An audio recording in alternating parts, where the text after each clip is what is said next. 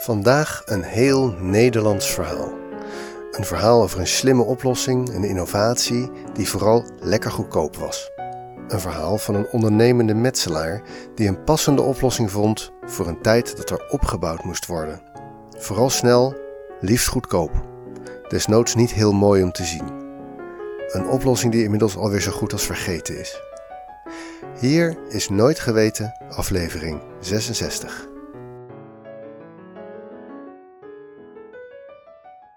Eind jaren 30.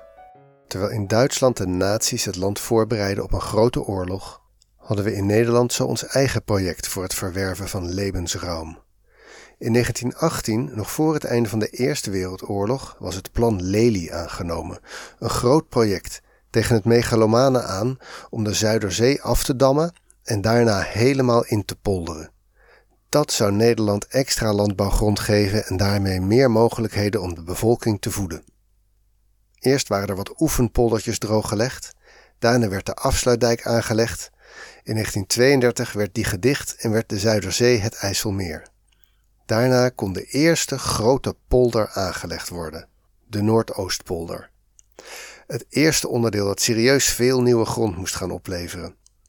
In 1936 werd begonnen en het uitbreken van de Tweede Wereldoorlog was kennelijk geen beperking, de aanleg liep gewoon door.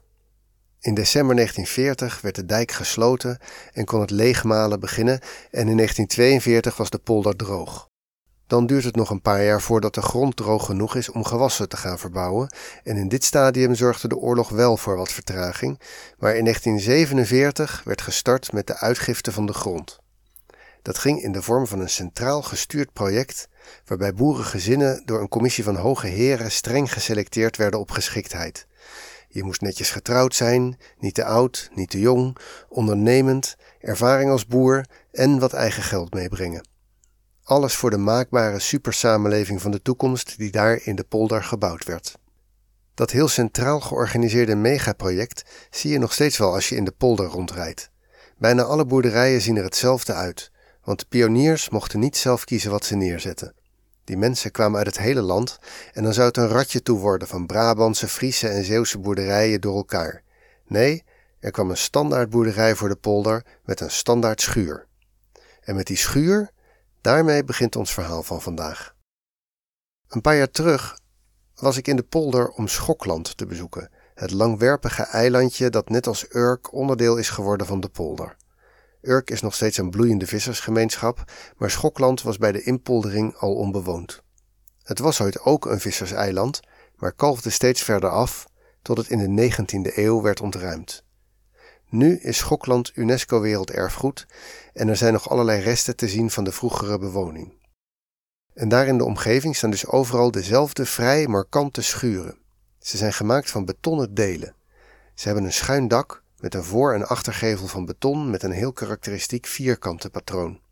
Het is in elkaar gezet van vierkante delen die vrij dun zijn en dus licht, maar langs de randen dikke ribben hebben en die delen kunnen rechtopstaand in elkaar gezet worden en grijpen dan in elkaar, een beetje zoals vloerdelen. De eerste link in de leeslijst is een foto van zo'n schuur. Als je niet weet hoe ze eruit zien, kijk daar dan eerst even naar. Van een van de informatieborden op Schokland leerde ik dat deze schuren schokbetonschuren heten. Ze waren onderdeel van het project en alle boerderijen hadden precies zo'n schuur. En waar bijna alle boerderijen in de tussentijd wel eens een verbouwing hebben gehad of, als, of een aanbouw hebben gekregen, daar zijn die schuren nog overal precies te zien. Ik was daar voor Schokland en ik las hierover op een informatiebord van het eiland, dus ik dacht die naam, schokbetonschuur, die zal wel vernoemd zijn naar Schokland. Maar zo is het dus niet. Schokbeton, de merknaam Schokbeton, staat los van de Noordoostpolder en is een Nederlands stuk innovatie in de techniek van betonbouw. En alleen door die innovatie was het mogelijk om deze goedkope lichte schuren te bouwen. En deze bouw op een koopje staat er in de meeste gevallen 80 jaar later nog goed bij.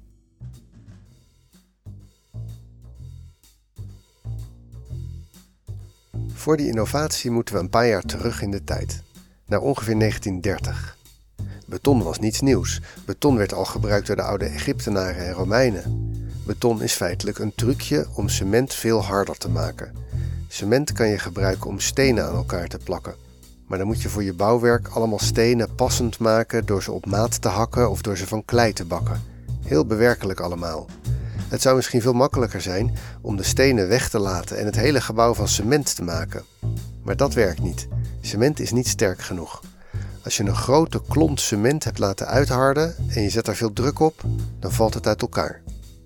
Beton is de oplossing. Je mengt een bak cement met een heleboel kiezelstenen en je smeert het niet uit in laagjes, maar je stort het in een mal. Die mal moet je dus eerst nog maken van bijvoorbeeld hout. Dat heet bekisting. Dan laat je het cement met kiezels uitharden in de bekisting en daarna haal je de bekisting er weer af.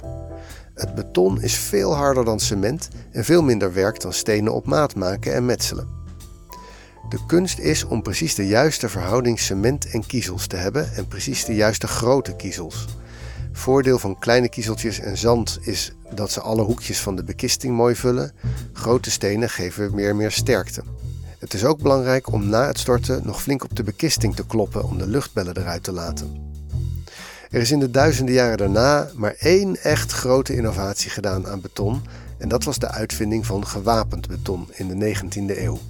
Het probleem met beton is dat het heel sterk is als je er kracht op zet, bijvoorbeeld als er een heel gebouw bovenop rust. Maar het kan niet heel veel trekkracht hebben. Dan valt het uit elkaar. Dus voor een grote overspanning is het niet zo geschikt. Bij gewapend beton worden er dunne stalen staven in het beton gelegd bij het storten. Het staal, de wapening, zorgt er voor de trekkracht, het beton voor de draagkracht.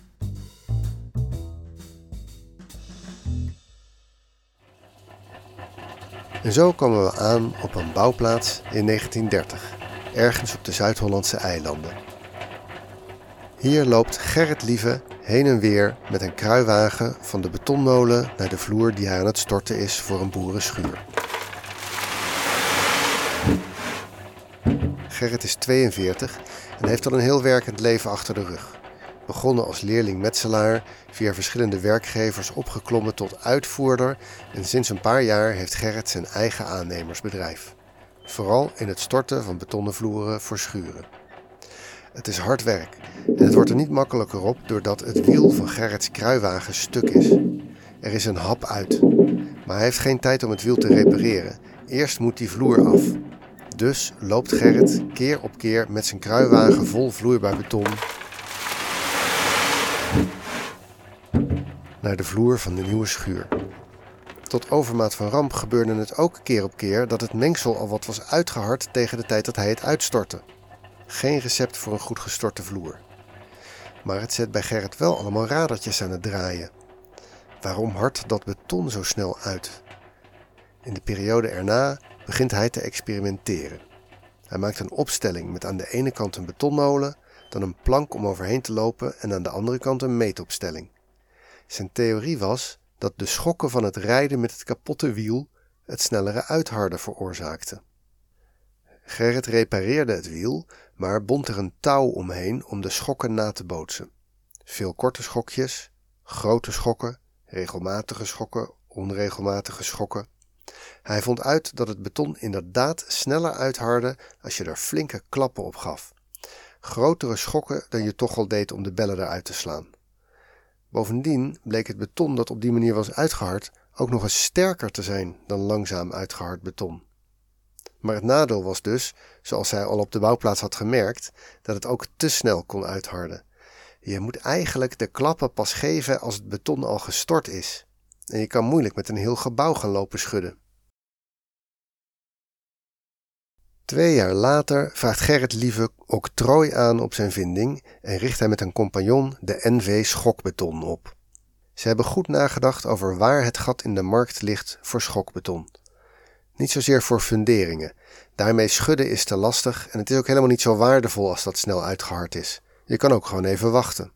Nee, de sweet spot voor schokbeton zit in prefab onderdelen, zoals bijvoorbeeld stoepranden. Als je voor iedere betonnen stoeprand een bekisting moet timmeren, dan wordt het heel duur. Als je herbruikbare mallen hebt en die moeten twee dagen drogen, wat ongeveer nodig is voordat je bij normaal beton de bekisting mag verwijderen, dan heb je heel veel mallen nodig. Het schokbeton van Gerrit Lieve maakte het mogelijk massaproductie van betonnen onderdelen te doen met veel minder mallen. Door machinaal precies de juiste klappen op het beton te geven, werd het extra hard en hardde het lekker snel uit. Ideaal voor onderdelen zoals dorpels, plinten, trappen, stoepranden, rioolbuizen en dus voor prefab muurdelen. Jammer genoeg maakte Lieve zelf de grote doorbraak van zijn product niet mee. Hij overleed in 1944, vrij kort voordat de Noordoostpolder schokbeton echt groot maakte. De leiding voor het inrichten van de Noordoostpolder lag vreemd genoeg bij een rijksdienst genaamd Directie Wieringermeer. Eind jaren 40 was de directie Wieringermeer toe aan het neerzetten van een grote hoeveelheid boerderijen en schuren, terwijl er in die tijd natuurlijk gebrek was aan bijna alles, van materialen tot arbeidskrachten. De firma Schokbeton speelde daar handig op in door een ontwerp te maken voor een schuur die bijna helemaal uit prefab onderdelen zou bestaan. Alleen de vloer hoefde ter plekke gestort te worden. Al het andere, van de muren en ramen tot de dakconstructie, kon prefab worden aangeleverd en hoefde alleen maar gemonteerd te worden. Grotendeels van betonnen onderdelen natuurlijk. Het ontwerp heette dan ook de montageschuur. Hij kon in drie dagen worden gebouwd. Het was precies wat de directie Wieringen meer nodig had. En omdat de montageschuren bijna helemaal uit betonnen onderdelen van schokbeton bestonden, werden ze al gauw schokbetonschuren genoemd. Uiteindelijk werden er bijna duizend van deze montageschuren in de Noordoostpolder gebouwd. De meeste staan er nog. En vanaf daar ging het ook hard met het bedrijf. Ze hadden de tijd mee. Beton was hip. En met hun octrooi hadden ze goud in handen. Er werden nieuwe grote projecten afgesloten voor bijvoorbeeld 138 luchtwachttorens, helemaal gemaakt van betonnen elementen. Vanaf die torens hield ons leger vroeger het luchtruim in de gaten met een verrekijker om te zien of de Russen al kwamen. Maar ook buiten Nederland waren prefab betonnen elementen in trek. Schokbeton begon in buurlanden vestigingen en gaf de technologie in licentie aan landen over de hele wereld. De hele jaren 50 was schokbeton booming. Maar daarna was het even plotseling ook weer voorbij. Het idee van prefab betonnen elementen is nooit meer weggegaan, maar er kwamen andere trucs om beton sneller en harder te laten uitharden bijvoorbeeld door toevoeging van chemische additieven. Schokbeton werd onderdeel van een groot Canadees concern en heeft nog een hele tijd als merknaam bestaan, maar de glans was er inmiddels wel af. Wat blijft zijn de schuren in de polder. Niet iedereen vindt ze mooi, maar karakteristiek zijn ze zeker en ze staan dus symbool voor een best belangrijke stap in het gebruik van beton.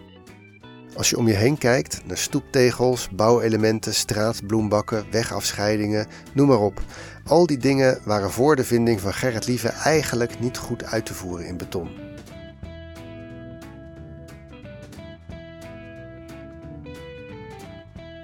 Dit was aflevering 66 van Nooit Geweten. En dat brengt ons op de helft van seizoen 6. Ik probeer altijd het hele seizoen aan afleveringen precies eens in de week uit te laten komen maar ik heb me er dit keer wat op verkeken. Ik vertrek vandaag, op de dag dat deze aflevering uitkomt, op vakantie. Ik was van plan al wat afleveringen klaar te hebben, zodat ze gewoon door konden gaan. Maar ik heb een drukke tijd achter de rug, ik ben net begonnen in een nieuwe baan. Het is er niet van gekomen. Dus las ik hier een pauze in. Als ik terug ben, ga ik weer afleveringen maken en ik verwacht de volgende ongeveer half augustus. Dus nogmaals, dit was aflevering 66 van Nooit Geweten. De oplossing van de fotopuzzel was de pagina Schokbeton. Nooit geweten wordt gemaakt door mijzelf, Teun Duinstee, en is een hommage aan Wikipedia. Ken je iemand die dit een leuk verhaal zou vinden? Stuur het dan door. De volgende aflevering laat dus nog even op zich wachten, maar je kan er wel nu al achter komen waar die over gaat. Namelijk door de Wikipedia fotopuzzel op te lossen. Die vind je in de show notes. Bedankt voor het luisteren en tot in augustus.